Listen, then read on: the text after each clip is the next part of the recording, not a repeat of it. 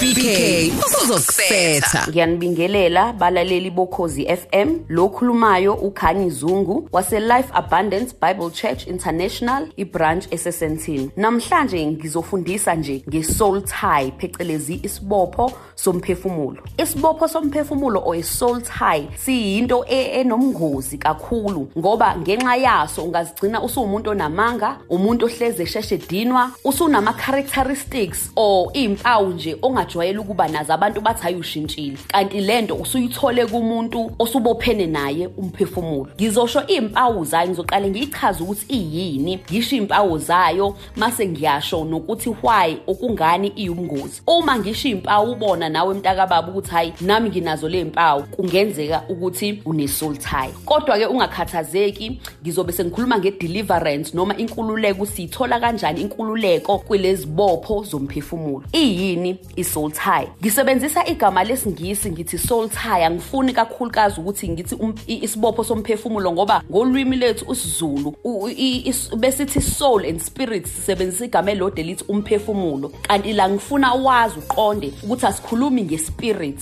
Ispirit asikwazi ukungcoliswa izinto zomhlaba. Ispirit siwena wena uyispirit. Mase uyispirit esikumzimba or the body esine soul which is again ngesizulu sithi umphefumulo but la sikhuluma ngesoul lekuhlala khona imicabango yakho imizwa yakho nentando yakho. Phecelezi your thoughts your emotions and your will. Nama characteristics or i-personality yakho.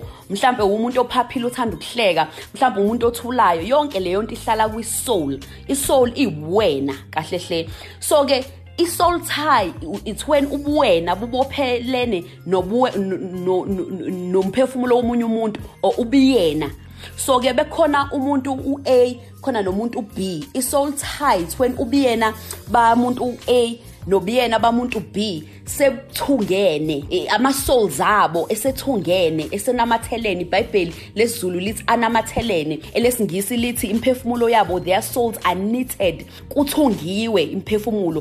Kusho ukuthi uma umuntu B enenkinga zokudinwa ehleze ediniwe sekuzongena kutransfer kungene kumuntu A. Umuntu A bethanda uqamba amanga o ewumuntu ohleze ephatheke kabi enephecelezi i-depression sekungenzeka ukuthi umuntu B ayithole ngoba imphefumulo yabo isibophene or ama-souls abo esebophene. So ke i-soul tie iyisibopho kwe umphefumulo and again ngileli gama ngiyasho ukuthi umphefumulo ngisho isoul ayi-spirit so ke ingena kanjani i-soul tie? Now before ngichaza ukuthi ingena kanjani i-soul tie kubalekile ukuthi uqonde mlaleli ukuthi kunama-soul ties amahle kunama-soul ties amabi. Ama-soul ties amahle is uma mhlambe ushadile wena nomyeni wakho noma nonkosikazi wakho ngoba imizwa yeni nizothandana kakhulu nemicabango nihlezi ngicabangana ngigcine senenze lesibopho or ibond. Nigcine senibondile nabophelana. Leso ke sihle ngoba nishadile as abantu abashadile uNkulunkulu vele wayehlele ukuthi kumele babe nesibopho. iBhayibheli liyakhuluma ka eh, eh, liyakhuluma nje impela ngokuthi baba munye abantu abashadayo. Isibopho leso esihle. Esinye isibopho esihle phakathi kwakho nomngane wakho niyathandana umngane wakho uyamthanda noma udade wenu noma umfowenu noma umzali wakho. Njengomzali bethanda ingane lapho kusuke kunesibopho somphefumulo ngoba umzali uyayithanda ingane u- ama-emotions akhe uyayithanda ingane imicabango yakho uhlezi icabanga ngengane yakhe isibopho esihle isibopho semvelo or esinatural. Namhlanje ngifuna sikhulume ngebopho ezimbi bad soul ties iy'bopho eziqhamuka emkhathini eziphehlwa um kumbuso wobumnyama.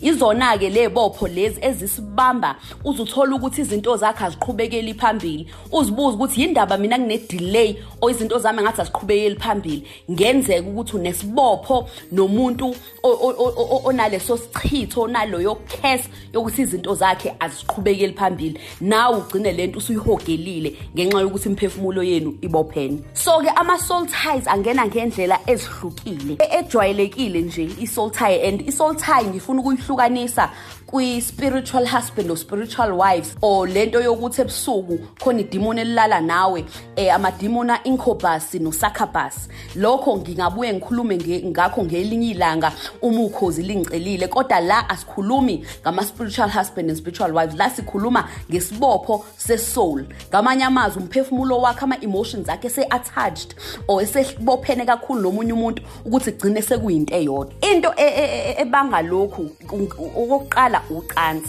Ucansi ngokwezwi lenkosi lolakhela abantu ababili abashadile. Ngesivumelwane or covenant mase kune-covenant or isivumelwane somshado sebengalala babe intimate. So ke i-bond or isibopho lapho ngoba ama-emotions bayathandana esakhekayo esihle nje bekade singichazile inkinga-ke kuba uma uba uba engaged ube intimate ungene kwezocansi nomuntu eningashadile naye. Lapho ayikho icovenant oyisivumelwano somshado. Kusho ukuthi usathana useyakwazi ukuzongcolisa le leyonto lokuhlangana kwenu. Benihlangana ungcole mase umphefumulo wakhe uhlangane nowakho nowakho uhlangane naye. But usathane ke uyisomathuba ngoba into ayenzayo ukuthi uthatha ama characteristics or ubiyena izinto ezingekho zinhle ngaye azifake kuwe nezinto nawe ezingekho zinhle ngawo azifake kulo osulale naye. So okunye futhi okuyingozi kakhulu ukuthi awutholi nje izibopho zomphefumulo wakhe kodwa uma eselale nomunye umuntu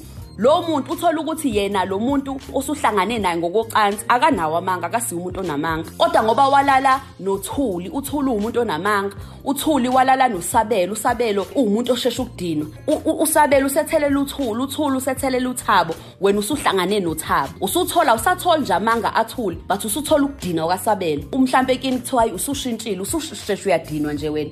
Usunomkhuba wokuqamba amanga.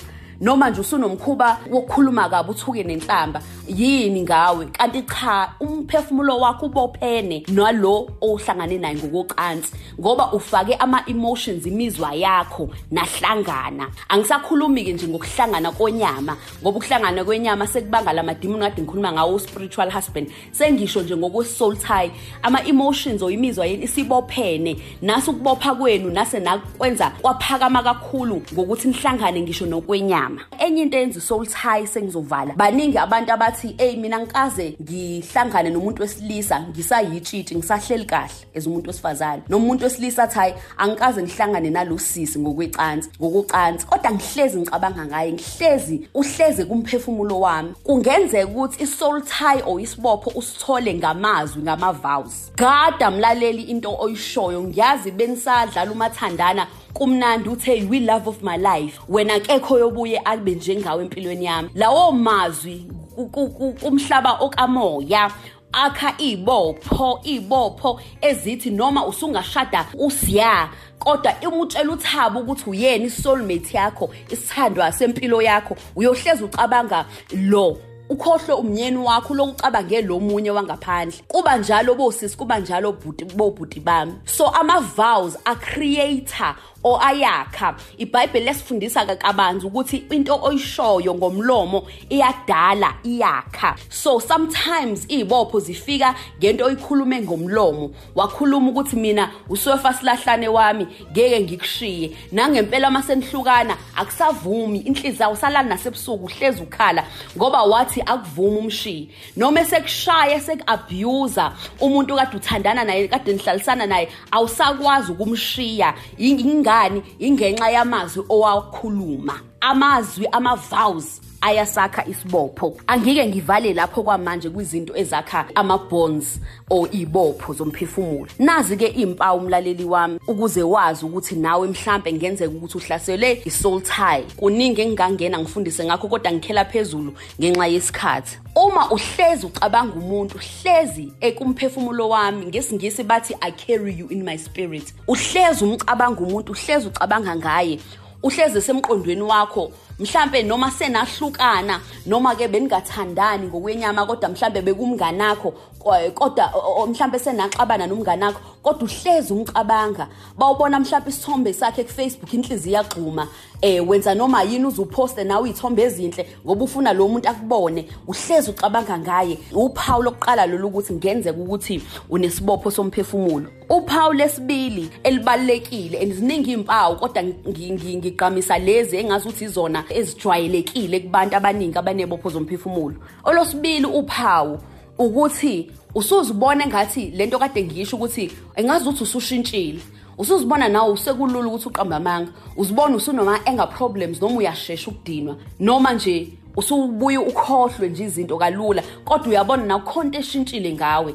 Eh yabo noma ufundizwe ufunda iBhayibheli alisafundeki kahle awufuni nokuya enkonzweni uhlezi nje ukhathele ngathi khona into eshintshayo kuwena. Ngenzeka ukuthi umphefumulo wakho ubophene nomuntu. Athi omunye hayi kodwa nje ngike ngathandana nomuntu wesilisa oyedwa or ngike ngabe nomngani nalokuphela ukhumbule njengoba kade ngisho ukuthi uma yena kade nobudlelwane nomunye umuntu onaleyo nkinga nalo yenebudlelwane nomunye umuntu uthola ukuthi abantu abawu10 asake aba nobudlelwane nabo. Bonke ama-traits abo iy'mpawu zabo ezingekho zinhle amanga uqamba amanga ukushesha udinwe. Omunye aze a-inherite or athole ngisho iy'chitho zakoba sabele engakaze alale nosabelo noma athandane nosabelo. But uke wathandana nosiya usiya uthandane nothuli uthuli wathandana nosabelo. Uthola ukuthi iy'bopho zakumuzi wakobasabelo zakobamkhize mhlampe sezingene kuthuli. Uthuli zangena kusiya usiya zangena kuwena. Usuthole izinto zemini eminye imindeni ongahlangene ngisho nokuhlangana nayo ngenxa yebopho imphefumulo iloku iyabophana iyabophana leso sibopho sakhe usiya size sifike kuwena. Nawe ugcina ubophe usuthole ngoba nje bengisho le English iBhayibheli lithi knitted kusho into ethungelwe leyo seniyinto eyodwa. So if kade enamanga usiya nami senginamanga. If umngane wami umbali eh uyashesha ukudinwa but umphefumulo wami usuhlangene nowakhe nami sengiyanamanga nje. Nami sengiyashesha ukukhohlwa mhlawumbe sengiyashesha ukudinwa. Ziningi izinto ezingenzeka ongazihogela just because of i-soul tie. So ke lezo impawu ze-soul tie and ubungozi bayo i-soul tie that's why i-soul tie kumele uyinqamule ngegama likaJesu idinga ukunqanyulwa. Ngoba ngezinye inkathi omunye umuntu uthola ukuthi udinga ukukhulekelwa uma oyingcwele akuvezela ukuthi no hayi ukuthi izinto zakhe mhlambe zibambekile ngoba mhlambe izinto zakubo cha zibanjwe ukuthi ube nobudlelwane nomuntu ialtari lakubo izinto zibambekile kunenketanga kwafakwa nengidi. Kodwa ngoba usube nobudlelwane naye umoya wakho umphefumulo wakho soul phecelezi wabophana naye wanamathe wathelana nowakhe nawe usuyahogela lezo zinto? Mm nyangizwa abalaleli bokhozi. Kubalekile ukuthi uyinqamule isoul tie. Ngizocela ke senze umkhuleko nje. Umkhuleko lo uzowusho ulandele mina. Ezingikusho lo mkhuleko. Umkhuleko nje umfishane eh ngiyazonxusa ukuthi uqhubeke ufunde kabanzi ngama soul tie ufunde kabanzi ngokuthi anqanyulwa kanjani ufunde kabanzi nomkhuleko wokwanqamula. Umkhuleko ke iBhayibheli lithi uma indodana yomuntu kushiya uJesu Kristu ekukhulula ukhululiwe impela. So ke uzothola ukukhululeka namhlanje.